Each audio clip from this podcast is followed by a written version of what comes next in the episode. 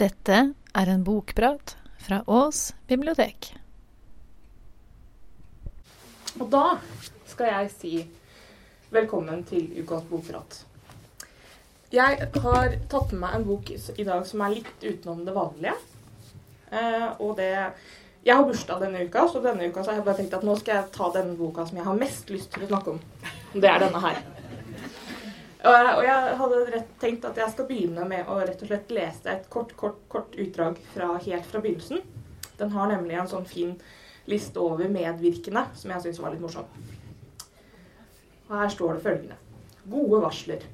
En fortelling om visse begivenheter som fant sted i løpet av de siste elleve årene i menneskehetens historie, og skal det vise seg strengt i henhold til heksen Agnes Nøtters fine og korrekte profetier. Samlet og redigert med fotnoter av pedagog pedagogisk natur som rettesnorer for de kloke av Neil Gaiman og Terry Pratchett. Medvirkende. Overnaturlige vesener. Gud, Gud, Metatroden, Guds røst, Asirafael, engel og deltidsforhandler av sjeldne bøker, Satan, fallen engel, erkefienden, Belsebub, også fallen engel og fyrste av helvete, Hastur, fallen engel og hertug av helvete, Ligur, også fallen engel og hertug av helvete, Crowley, engel som ikke egentlig falt, men snarere slentret sånn omtrent nedover. Apokalyptiske hestevesener. Død, krig, hungersnød og forurensning. Mennesker. Du skal ikke begå utroskap, Pulsifer, heksefinner, Agnes Nutter, profet, Newton Pulsifer, lønningsfunksjonær og heksefinner menig, Anathema Device, praktisk okkultist og profesjonell etterkommer. Shadwell, heksefinner sersjant, Madame Tracy, Sminket Jezebel bare på formiddagen torsdager etter avtale. Og medium. Søster Mary Locacious. Satanisk nonne av St. Burials plaprende orden. Mr. Young. Far. Mr. Tyler. Styreleder i en beboerforening. Ett bud. De der. Adam. Antikrist. Pepper. En jente.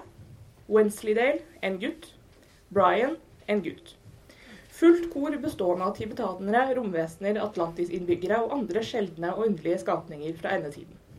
Og hund, satanisk helveteshund og katteplager. Dette her er altså boka 'Gode varsler heksen Agnes Nutters fine og korrekte profetier' av Neil Gaiman og Terry Pratchett.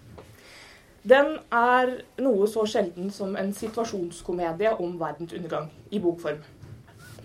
Og gang, Den kom for første gang i 1990. Og da ble den utgitt som Nå må jeg se på lappen min her, for den tittelen er ganske lang. 'Good Omens The Nice and Accurate Prophecies of Agnes Nutter Witch'. Den kom på norsk i fjor. Eh, jeg har lyst til å gi et sånn lite figurativt klapp på skulderen til Vigmostad Bjørke, som syns at det var verdt å gi den ut. Eh, de markedsfører den som en kultklassiker. Uh, jeg måtte faktisk slå opp definisjonen av kultklassiker, for jeg var litt usikker på om jeg var enig i det. Og i, definisjonen av kultklassiker så står det følgende. Kultklassiker er ver et verk, en roman, plate, film eller lignende, som dyrkes parentes forbeholdsløst av en parentes mindre krets av personer. Eh, og da kommer jeg vel egentlig fram til at jo da, jeg og Vigmostad Bjørke og jeg vi er nok ganske enige om at dette her må være en, en kultklassiker. Eh, for, den, for Gode varsler den har en ivrig og til dels ganske intens tilhengerskare rundt om i verden. Eh, I forordet til boka så skriver Neil Gaiman, en av forfatterne, at han har signert eksemplarer av denne boka som er oppbevart i vakre, nydelige, sølvbeslåtte skrin. Og han har også signert eksemplarer som bare var en samling sider i en bærepose. Og begge deler bruker han som en uh, illustrasjon på at denne boka betyr veldig mye for veldig mange. Første gang jeg leste den, det var for rundt fem år siden. Og jeg syns den var bra da òg. Men jeg skjønte ikke Jeg var innerst inne så var jeg litt skuffa. For jeg skjønte ikke helt hvorfor den sto så høyt i kurs hos alle, mange av de jeg kjente, og mange som hadde anbefalt den til meg og sagt at å, dette er den beste boka du kommer til å lese noen gang. jeg, likte, jeg, visste at jeg likte både Neil Gaiman og, og Terry Pratchett sånn for seg selv, for jeg hadde lest bøker av begge forfatterne hver for seg. Og da tenkte jeg at jeg burde jo like dem når de er sammen, når de skriver sammen også. Eh, og det, jeg gjorde jo det. Men det var, et eller annet, ble, det var et eller annet som gjorde at jeg ikke skjønte Jeg syns ikke den var så bra. Jeg skjønte ikke helt hva som var greia, rett og slett. Eh, og så kom det Spol framover fem år, så kom den på norsk. I, på, slutten i, på, slutten av høsten i, i, fjor.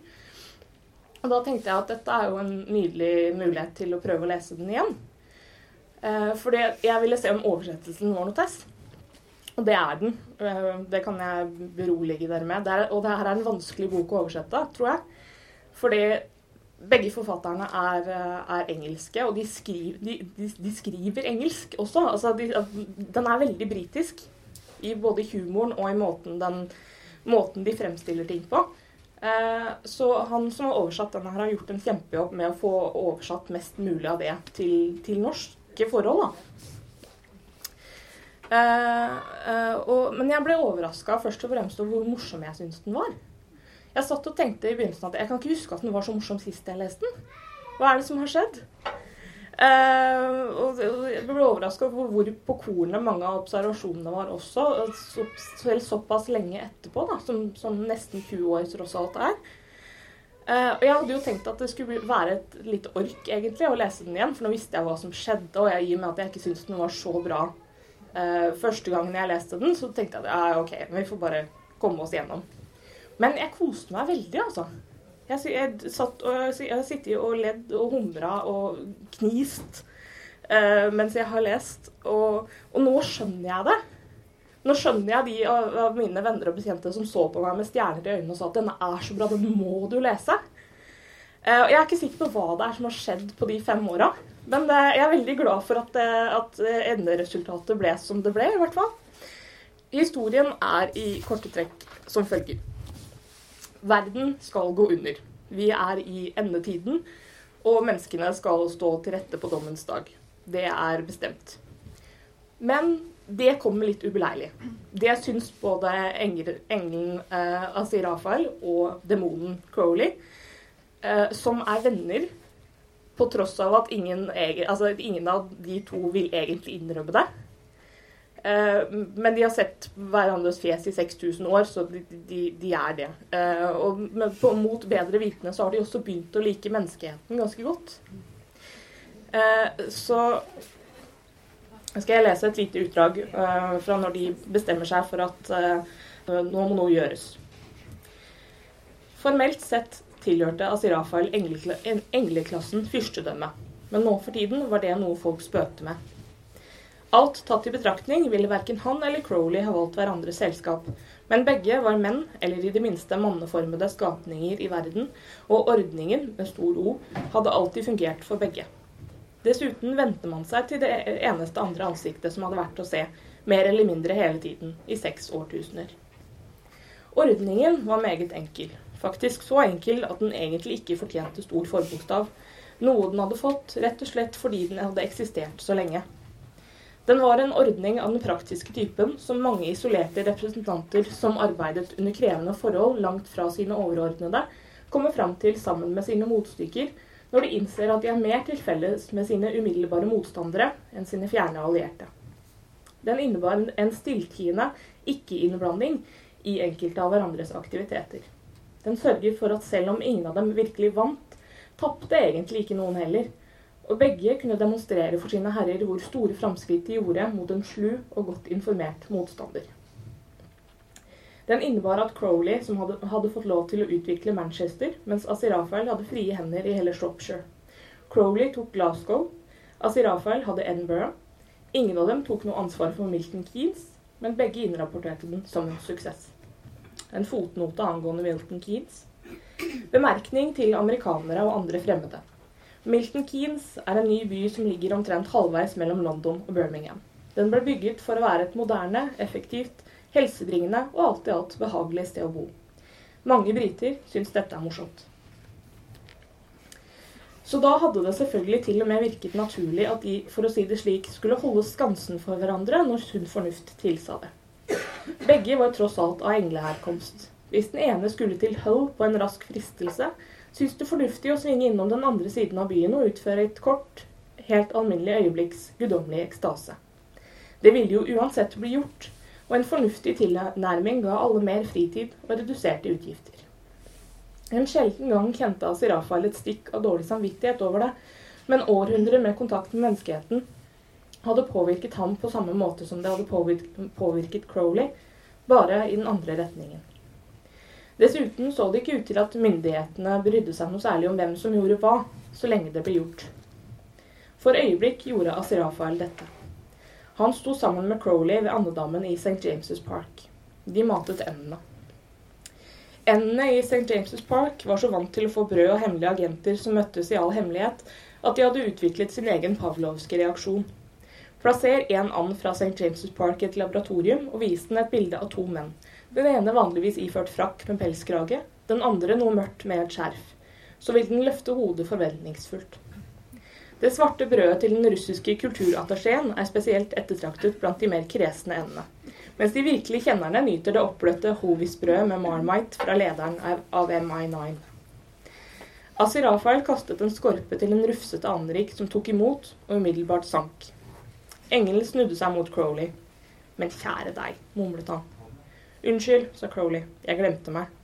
Anden fløt irritert til overflaten igjen. Vi visste selvfølgelig at noe sto på, sa Asirafael, men man forestiller seg alltid at slikt skjer i Amerika. Der borte har de mer sansen for den slags. Det kan fortsatt komme til å gjøre det, sa Crowley dystert. Han lot blikket gli tankefullt gjennom parken til Bentleyen som fikk bakhjulet geskjeftig satt i hjullås. Å ja, den amerikanske diplomaten, sa engelen. Relativt prangende, er det fristende å si. Som om dommedag var en slags kinematografisk forestilling man ønsker å få solgt i så mange land som mulig. Alle land, sa Crowley. Jorden og alle dens kongedømmer. Altså Rafael kastet den siste brødresten på endene, som stakk av gårde for å mase på en bulgarsk marineattaché og en hemmelighetsfull mann med Cambridge-slips, og kastet papirposen samvittighetsfullt i en søppelkurv. Han snudde seg mot Crowley. Vi kommer selvfølgelig til å vinne, sa han. Det vil ikke du, sa demonen. Og hvorfor ikke? Hør her, sa Crowley desperat. Hvor mange musikere tror du at dere har på deres side, hva? Første klasses, mener jeg. Asirafal så ut som, ble, som om han ble tatt på sengen. Vel, jeg skulle nok tro, begynte han. To, sa Crowley. Elgar og List. Det er alt. Vi har resten. Beethoven, Brahms, alle Bachene, Mozart, hele gjengen. Kan du forestille deg evigheten med Elgar? Asir Rafael lukket øynene. Altfor lett, stønte han. Det avgjør saken, sa Crowley med et triumferende glimt i øyet. Han kjente nok til de svake punktene til Asir Rafael. Aldri mer CD-er. Aldri mer Albert Hall. Aldri mer promenadekonserter. Aldri mer Glynborn. Bare himmelske harmonier hele dagen lang. Uransakelig, mumlet Asir Rafael. Som egg uten salt, sa du. Og det minner meg på noe. Ikke noe salt, ingen egg. Ingen gravlaks med dillsaus. Ingen fascinerende små restauranter der de kjenner deg. Ikke noe Daily Telegraph-kryssord. Ingen små antikvitetssjapper. Ingen bokhandler heller. Ingen interessante gamle utgaver. Ingen Crowley skrapte ut den siste av Sirafals spesielle interesser. Sølvsnusdåser fra regentskapstiden. Men når vi har vunnet, kommer livet til å bli bedre, kom det hest fra engelen. Men det kommer ikke til å bli like interessant. Hør her, du vet at jeg har rett. Du ville like, vært like lykkelig med en harpe som jeg ville vært med en høygaffel. Du vet at vi ikke spiller harpe. Og vi bruker ikke høygafler. Jeg uttalte meg retorisk. De stirret på hverandre. Asirafael slo ut med de elegant manikurerte hendene. Folkene mine er faktisk mer enn fornøyd med at det blir noe av. Det er jo det alt egentlig handler om. Den store siste prøven. Flammesverd, de fire rytterne, hav fulle av blod. Alle de kjedelige tildragelsene der. Han trakk på skuldrene. Og så er det game over, legge på ny mynt? spurte Crowley. Enkelte ganger syns jeg det er en smule krevende å begripe uttrykksmåten din. Jeg liker havene sånn som de er. Det trenger ikke å skje. Man behøver ikke å teste alt i stykker bare for å se om konstruksjonen er skikkelig utført. Asirafael trakk på skuldrene på nytt. Og der har du uransakelig klokskap, er jeg redd. Engelen grøsset og trakk jakken tettere rundt seg. Grå skyer stablet seg i høyden over byen. Kom, så drar vi et varmere sted, sa han. Og det ber du meg om, sa Crowley dystert. De gikk i alvorstynget taushet en stund. Det er ikke det at jeg er uenig med deg, sa engelen mens de trasket bortover gresset. Det er bare det at jeg ikke har lov til å unnlate å adlyde. Det vet du. Jeg også, sa Crowley. Asi Rafael kastet et skrått blikk på ham. Og gi deg, sa han. Du er tross alt demon. Ja da, men folka mine har bare sansen for ulydighet i generell forstand. Konkret ulydighet reagerer de kraftig på. Som ulydighet mot dem selv. Nettopp. Du vil ikke tro det. Eller kanskje du vil det. Hvor lang tid tror du vi har igjen? Crowley viftet med hånden mot Bentleyen, som låste opp dørene. Profetiene varierer, sa Sirafael og gled inn i passasjersetet. Garantert til slutten av århundret, selv om vi nok kan forvente visse fenomener før den tid. De fleste av de siste årtusenets profeter var mer opptatt av rytmikk enn presisjon. Crowley pekte på tenningsnøkkelen. Den gikk rundt. Hva? spurte han. Jo, sa engelen hjelpsomt, og eders verden en ende skal få i damdi-damdi én. Eller to. Eller tre. Eller noe. Det er ikke så mye som rimer på sju, så det er sikkert et bra år å være i. Og hva slags fenomener? Kalver med to hoder, tegn fra himmelen, gjess som flyr baklengs, fiskeregn. Sånne ting. Antikrists tilstedeværelse påvirker kausalitetens naturlige funksjonalitet. Hmm. Crowley satte Bentley i gir. Så kom han på noe. Han knipset med fingrene. Hjulklemmene forsvant.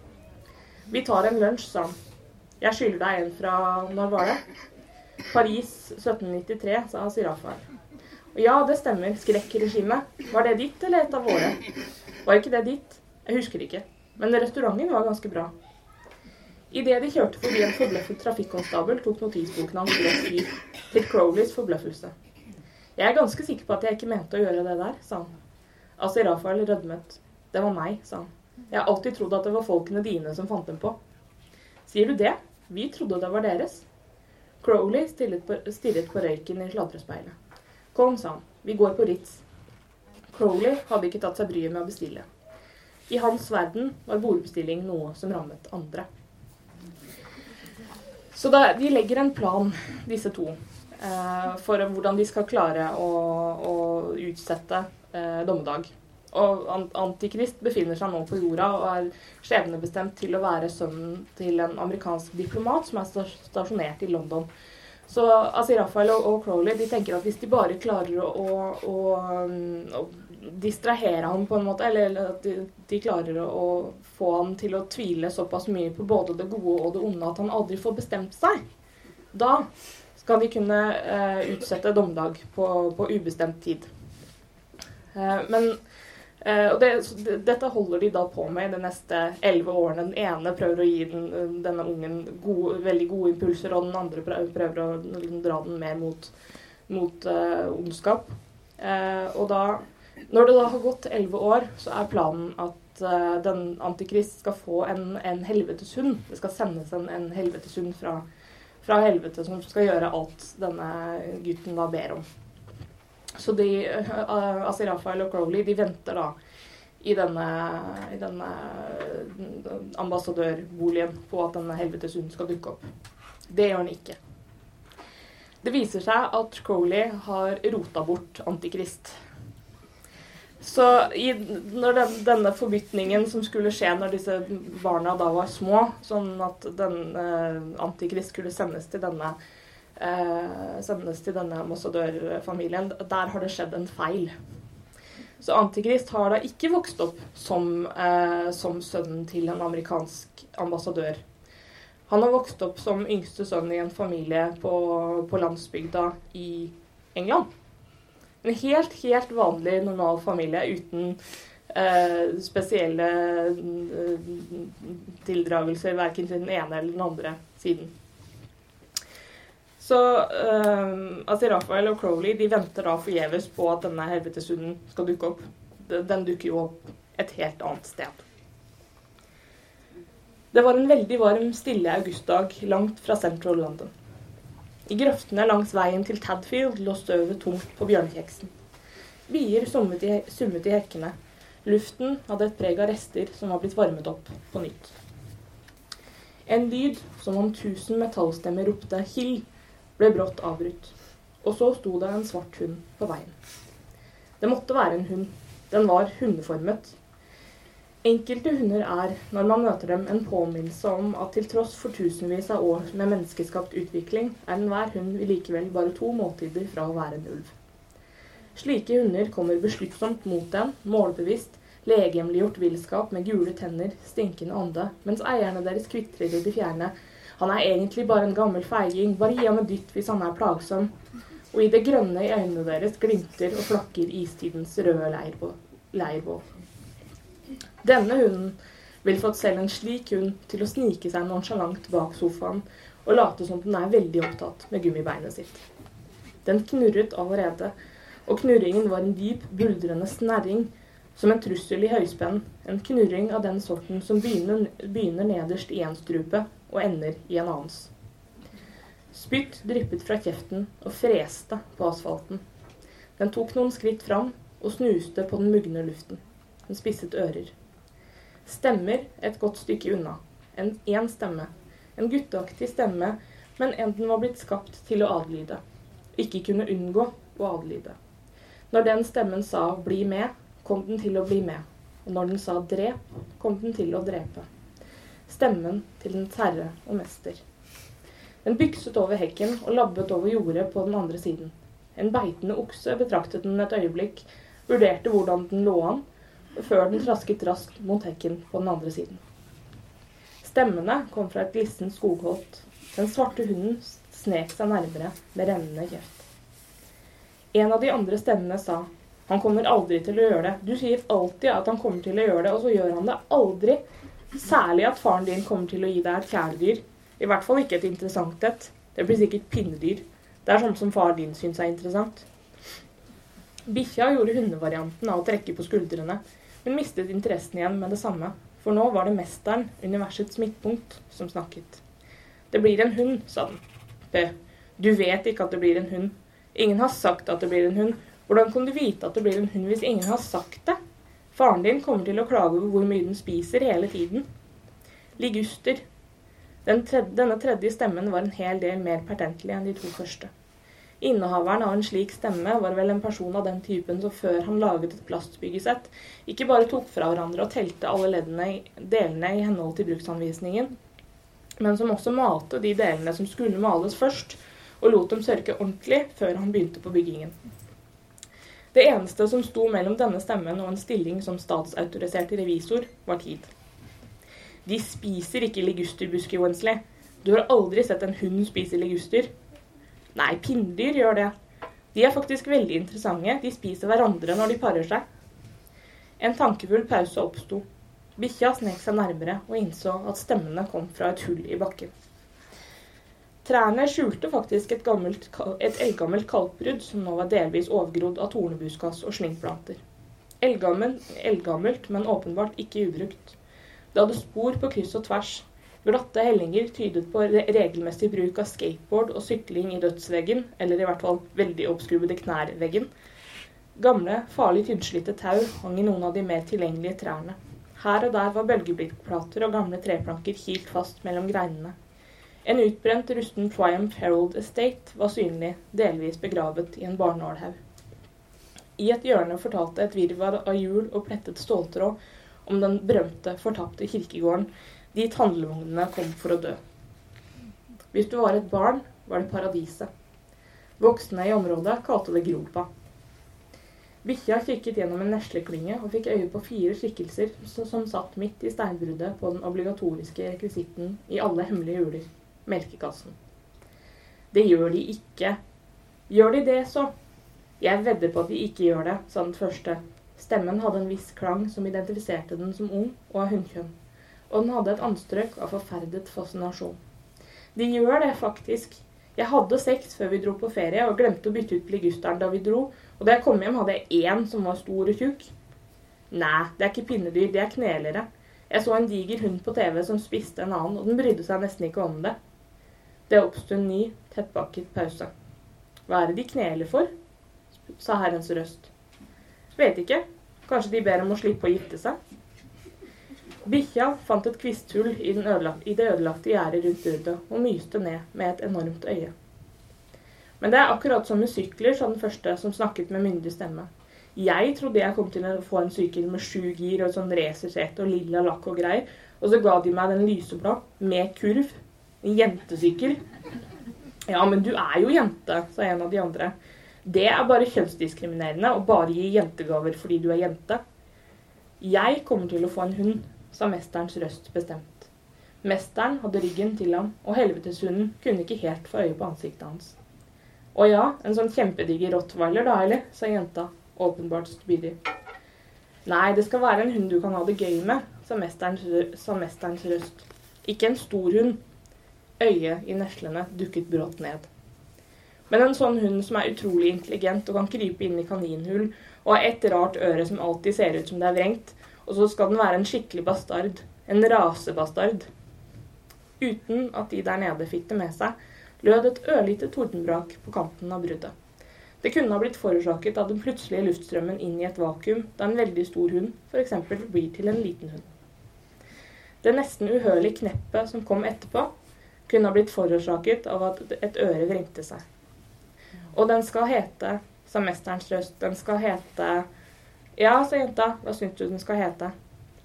Bikkja ventet. Øyeblikket var kommet. Navnet skulle gis. Dette skulle gi den sin hensikt, sin funksjon, sin identitet. Øynene skinte matt røde, selv om de var mye nærmere bakken nå, og den siklet i neslene. Den skal hete Hund, sa mesteren skråsikkert. Et sånt navn gjør alt veldig lett. Helveteshunden nølte. I dypet av den, djevel, av den djevelske hundehjernen skjønte den at noe var galt. Men var det noe den var, så var det lydig. Og den plutselig enorme kjærligheten den følte for sin mester, overvant all uro.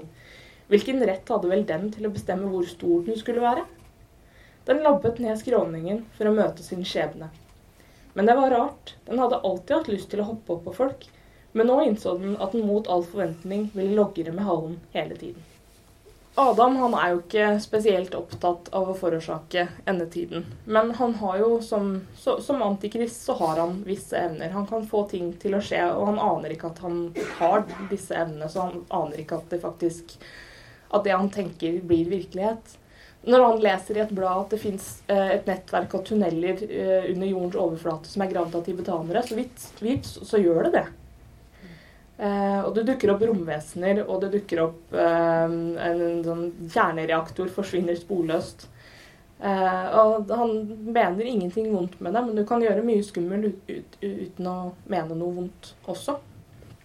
Dere legger sikkert merke til at det er veldig mange fra den oversikten jeg leste på begynnelsen som jeg ikke har nevnt. Uh, og det viser at det er ganske mange som skal ha en finger med i spillet når, er, uh, når verden går mot dommedag. Og jeg skal ikke si så veldig mye om hvordan det hele ender. Uh, dette er en bok som er litt utenom det vanlige, som jeg sa innledningsvis. På overflaten så handler den om en demon og en engel og det som kanskje skal vise seg å være verdens undergang. men den handler også veldig mye om mennesker og alt det vi gjør, både på godt og vondt. Det var det jeg hadde tenkt å si i dag. Takk for meg.